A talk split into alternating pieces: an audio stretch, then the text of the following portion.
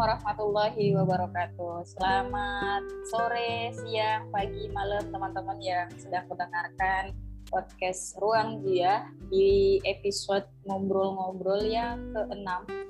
Hari ini aku mengundang salah seorang kawan baru yang berprofesi sebagai guru sejak tahun 2020 yang juga uh, berlatar belakang bimbingan konseling di salah satu universitas di Jakarta yang aku undang karena beliau ini pernah ada obrolan tentang jeng jeng jeng tentang apa ya tentang membasuh luka pengasuhan di salah satu acara yang aku ikuti di self development gitulah ya. Nah, ini di sini kita mau ngobrol-ngobrol, tapi hmm, untuk lebih jauh, eh, untuk lebih kenal dengan siapa sih tamu kita hari ini, eh, kita panggilkan, kita panggilkan, kita sambut. Halo Soraya. Halo Kak Jia, Assalamualaikum. Waalaikumsalam warahmatullahi wabarakatuh. Apa kabarnya nih hari ini?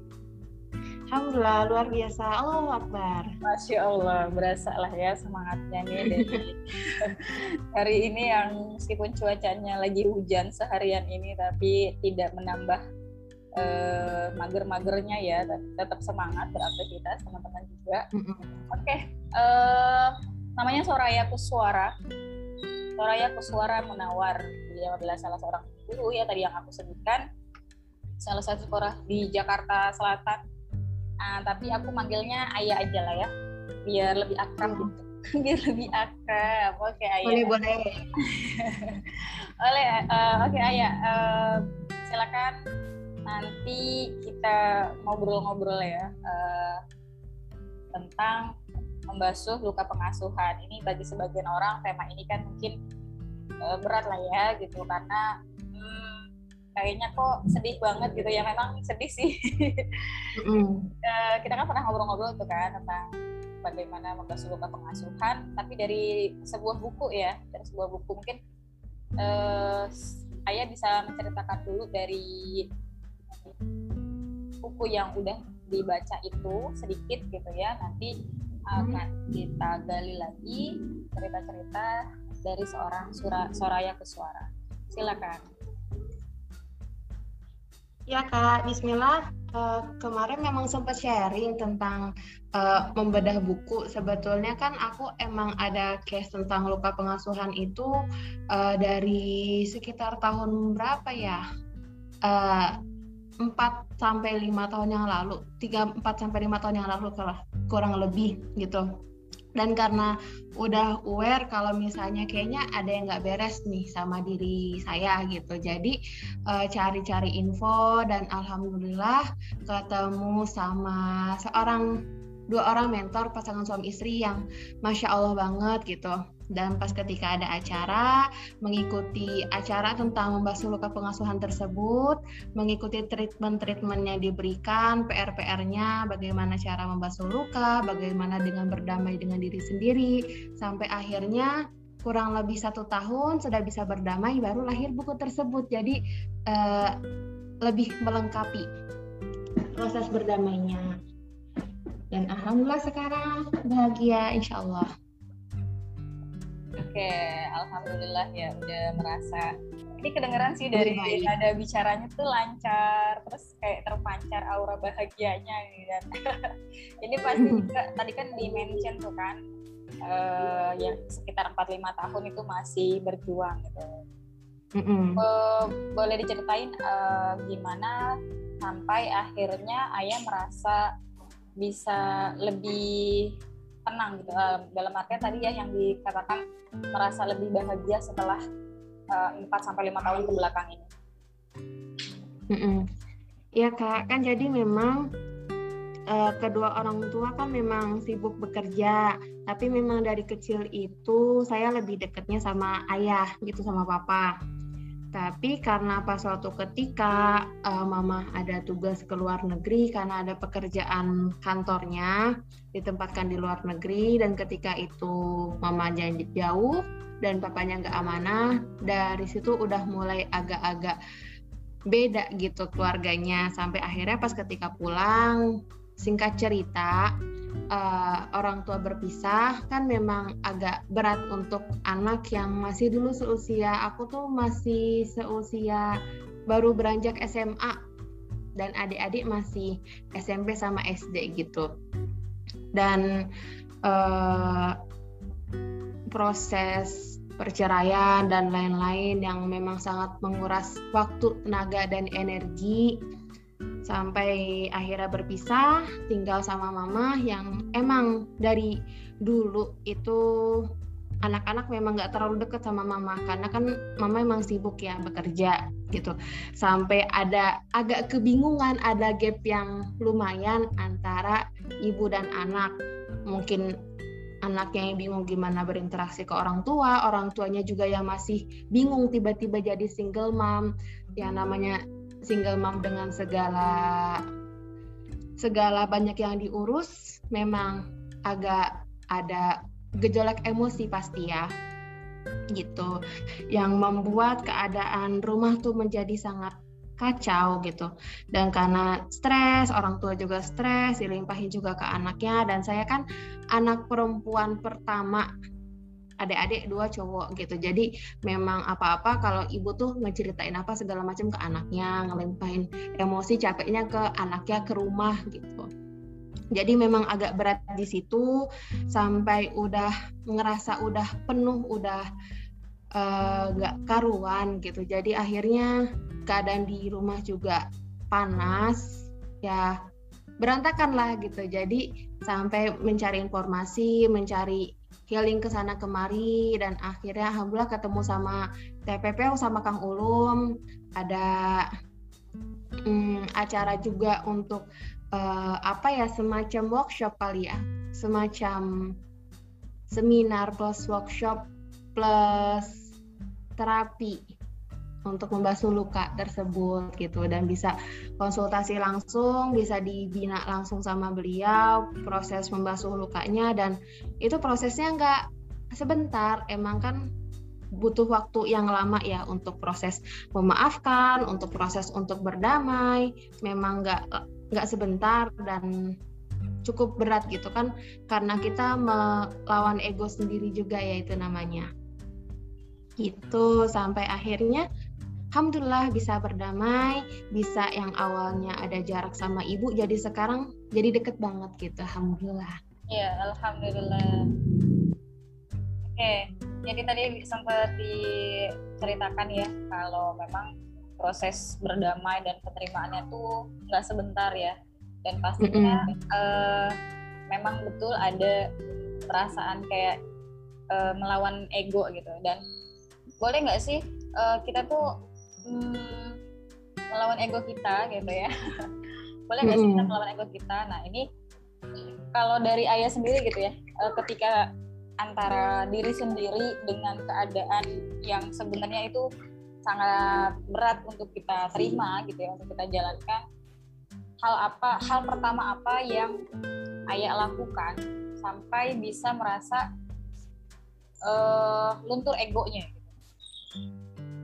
hmm yang dilakukan adalah kan pertama ketika kita dipenuhi dengan emosi negatif, dipenuhi dengan rasa kesal, marah, bingung, kecewa, sedih dan lain-lain. Pertama kan memang kita tuh harus apa ya harus melampiaskan emosi tersebut ya bisa dengan kita bercerita atau journaling atau melakukan self talk atau dengan terapi psikologis yang lainnya, terapi DEP atau konsultasi kepada yang ahli gitu, ke konselor atau ke psikolog untuk membuat kita lebih nyaman.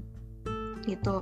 Uh, itu dari uh, proses melampiaskan emosi dan yang nggak kalah pentingnya adalah bagaimana spiritual kita kan yang mempunyai hati kita, yang mempunyai jiwa kita kan Allah gitu. Dan ketika kita ingin membasuh luka ya karena yang mempunyai jiwa kita Allah, yang mempunyai hati dan jiwa orang tua kita kan juga Allah gitu ya.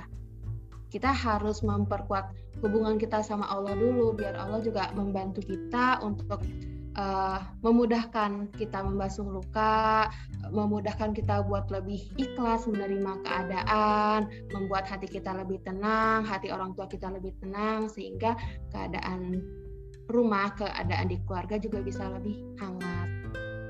Ya, masya Allah. um, memperbaiki hubungan sama Allah berarti ya. Tadi selain mm -hmm. uh, juga bikin journaling dan men menuangkan ya, menuangkan emosi-emosi kita dari dengan yeah. journaling, dengan self talk yang itu bisa merilis um, emosi kita dan sebenarnya uh, ketika ada perasaan seperti itu ya, kondisi seperti itu ya diterima dulu gitu ya. Tadi yang ya, betul. Nah, yang ayah katakan kita ikhlasin dulu gitu kalau itu jadi bagian dari cerita hidup yang harus kita lalui. Nah, mm-hmm. ini kadang bagi sebagian orang proses penerimaan ini kan berat ya, berat banget gitu. Apalagi kalau misalkan kita masih ada tuntutan sama orang lain.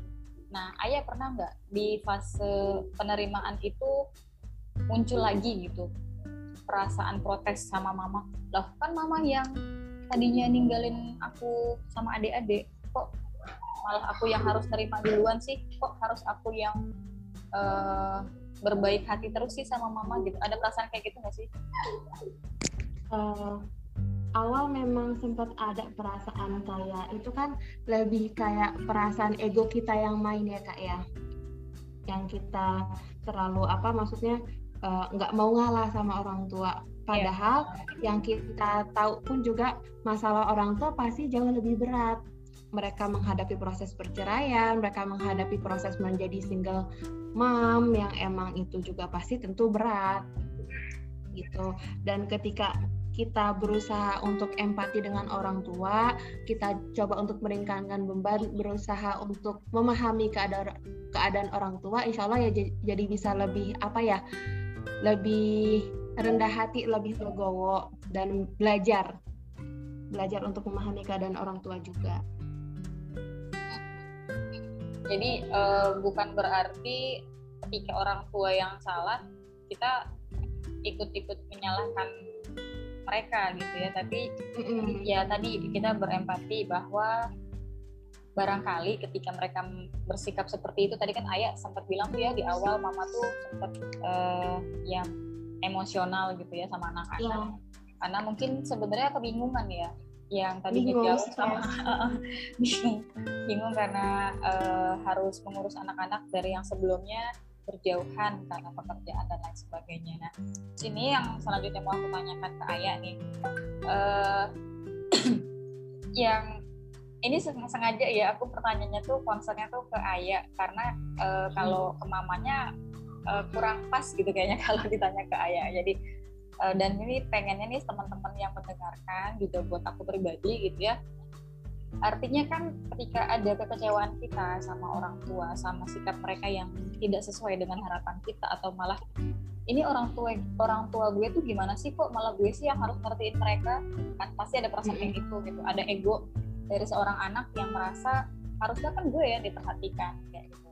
Nah kalau dari ayah sendiri nih untuk menyikapi pikiran-pikiran yang muncul tadi kan di awal sempat, bilang tuh ya ayah juga ada perasaan kayak uh, mau protes gitu itu um, ada ini nggak sih teknik-teknik artinya ya hmm. praktikal gitu yang praktikal yang mungkin bisa itu dilakukan juga sama teman-teman yang lain yang itu ayah lakukan. Mm-mm. Pertama, kalau misalnya kita masih muncul perasaan seperti itu, berarti kita masih merasa kalau kita tuh memang korban dari keadaan. Dan kalau misalnya kita masih merasa bahwa kita tuh korban yang sangat menderita yang uh, sedih kecewa yang yang paling kecewa gitu iya itu nggak akan ada terlintas perasaan untuk berubah untuk merubah keadaan gitu. Jadi pertama uh, yang punya kendali atas diri kita itu kita sendiri yang mempunyai apa ya yang mempunyai subjek yang yang mempunyai kendali penuh atas keadaan keluarga keadaan apa pun itu yaitu kita sendiri sedih boleh, kecewa boleh, tapi jangan terlalu berlarut-larut karena kan waktu juga berjalan. Dan apa namanya kalau misalnya kita nggak merubah keadaan ya mau sampai kapan seperti itu. Sedangkan kan apa namanya ya kalau misalkan pertama itu tadi kalau emang kita masih sangat kecewa dengan dengan keadaan berarti sama dengan kita tuh masih berharap kepada orang tua. Dan lagi-lagi kan memang orang tua orang tua kita kan hanya manusia biasa yang pasti punya salah yang pasti punya hilaf gitu. Dan memang kalau kita berharap kepada manusia yang ada hanya kecewa gitu ya kan. Jadi yang pertama harus kita uh, lakukan adalah gantungkan harapan tersebut hanya sama Allah jangan sama manusia gitu. Kalau kita berharap ke Allah ya Allah pasti akan bantu kita untuk melewati apa pun yang kita hadapi. Allah akan lancarkan segala urusan hati kita, urusan segala macam, urusan semuanya gitu, Kak. Jadi ingat ini ya di surat Al-Insyirah ayat 8 wa ila rabbika farghab dan hanya kepada lah kamu berharap. Emang iya. uh, aku jadi ingat salah satu tulisanku gitu.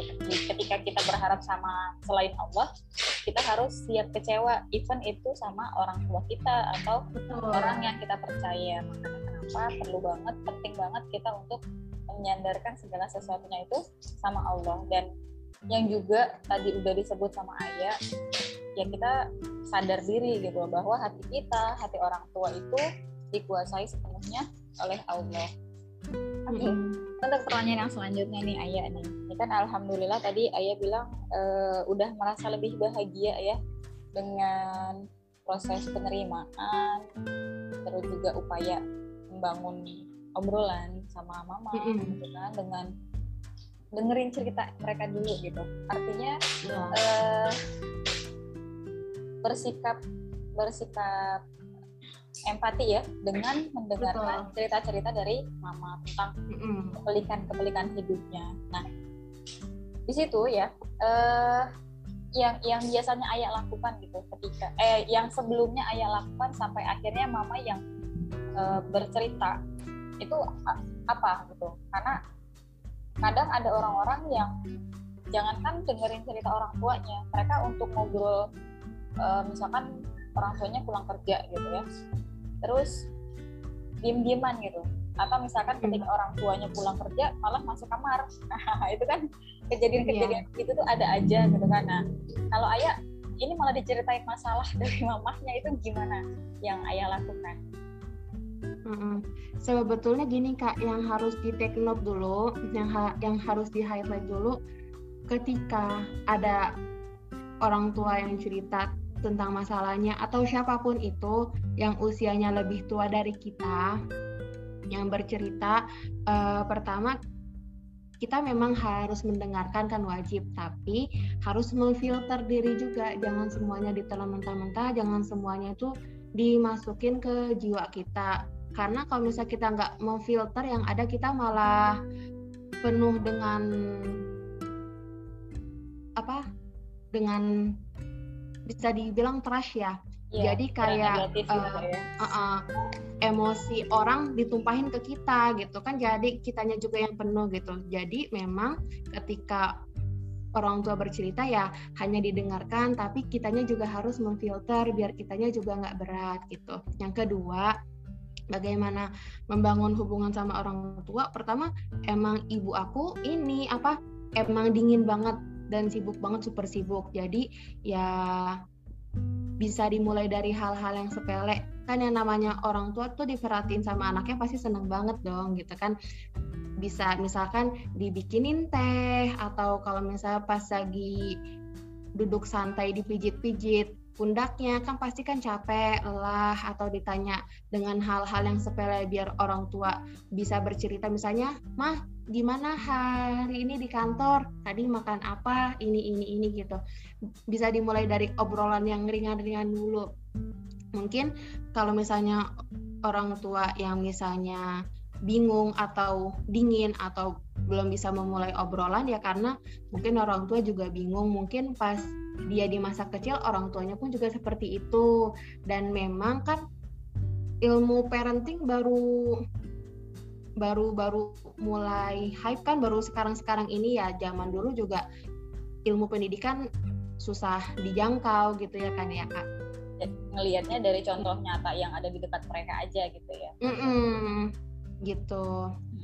Jadi ya bisa dimulai dari hal-hal yang kecil untuk memulai obrolan sama orang tua. Dan ketika kalau misalnya keadaannya lagi orang tuanya lagi capek atau lagi apa ya mungkin dicari waktu yang pas waktu yang tepat. Biar nggak terkesan kita kayak bikin apa maksudnya biar kalau misalnya pas pas andaikan orang tua lagi capek ya udah dibiarin istirahat dulu jangan diganggu. Ntar pas udah agak uh, reda atau agak tenang baru memulai obrolan baru dibikinin teh atau segala macam biar orang tua juga bisa lebih nyaman deket sama anaknya juga.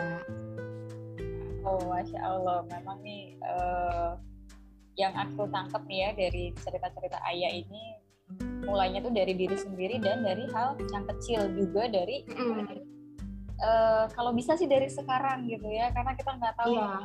Iya. uh, entah umur kita entah umur orang tua kita yang uh, harus selesai duluan gitu ya jadi kita uh, tadi kan sempat dibilang sama ayah boleh jadi orang tua kita kenapa ngasuh kita itu dengan cara yang seperti itu karena sebenarnya mereka juga kebingungan bagaimana cara mengasuh anak aku jadi inget uh, sebuah ungkapan gitu ya banyak orang siap berpartner tapi tidak siap menjadi parents. Betul. Karena mereka kebingungan sebenarnya ketika mereka dulu menikah. E, contoh contohnya adalah orang-orang yang ada di dekat mereka. Jadi e, mungkin kita jadi harus memutus gitu ya memutus e, pengasuhan yang salah gitu ya rantai-rantai pengasuhan yang kurang pas. Gitu. yang mungkin perlu kita renungkan lagi gitu. Tadi di waktu kita yang terbatas di waktu orang tua kita yang terbatas mau sampai kapan kita uh, hubungan dengan orang tua itu dingin gitu ya tidak saling bersapa padahal satu rumah. Oke ayah karena waktu juga udah mau selesai nih aku mau minta ayah sam ya barangkali ada uh, reminder gitu ya buat teman-teman juga buat kita semua lah ya gimana mm-hmm. biar luka pengasuhan ini bisa kita sembuhkan silahkan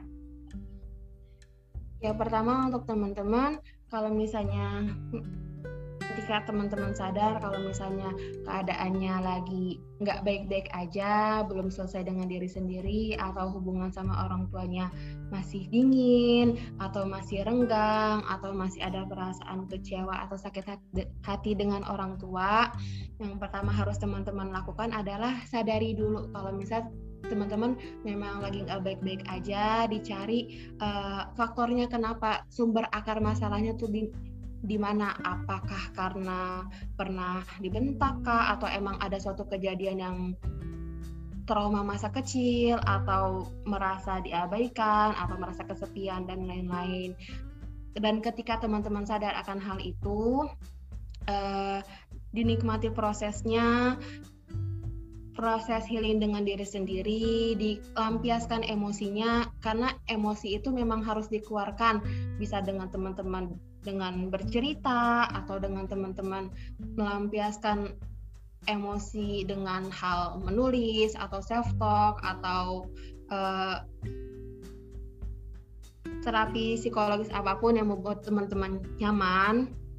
Setelah itu uh, jangan lupa untuk menguatkan hubungan kita sama Allah, uh, diperkuat lagi ibadahnya, ditingkatkan lagi pertama kita harus berhusnuzon sama Allah, berprasangka baik bahwa apa pun yang terjadi atas diri kita, atas takdir kita yang terjadi itu adalah memang yang terbaik buat kita. Karena takdir itu semuanya yang Allah takdirkan itu pasti baik. Yang bikin kita ini adalah kita tuh belum memahami takdir tersebut. Maka PR kita harus harus belajar, harus memahami, harus uh, berdamai dan memang memang prosesnya nggak nggak mudah. Proses untuk memaafkan itu memang berat kan ya teman-teman? Gitu. Jadi uh, pelan-pelan mencoba untuk memaafkan diri sendiri, memaafkan orang tua juga karena bagaimanapun orang tua kita kan ya orang tua yang sudah membesarkan kita dari kecil dengan susah payah yang kita nggak bisa bayar itu dengan apa pun Jadi ya mungkin karena ketidaktahuan orang tua, karena ketidaksengajaan orang tua, yang mungkin orang tua juga nggak paham, nggak sadar gitu. Jadi uh, diperbaiki lagi hubungan sama orang tua, dijalin komunikasi lagi dengan baik. Kalau misalnya orang tua masih keras atau masih sering membentak, kitanya jangan ikut tinggi.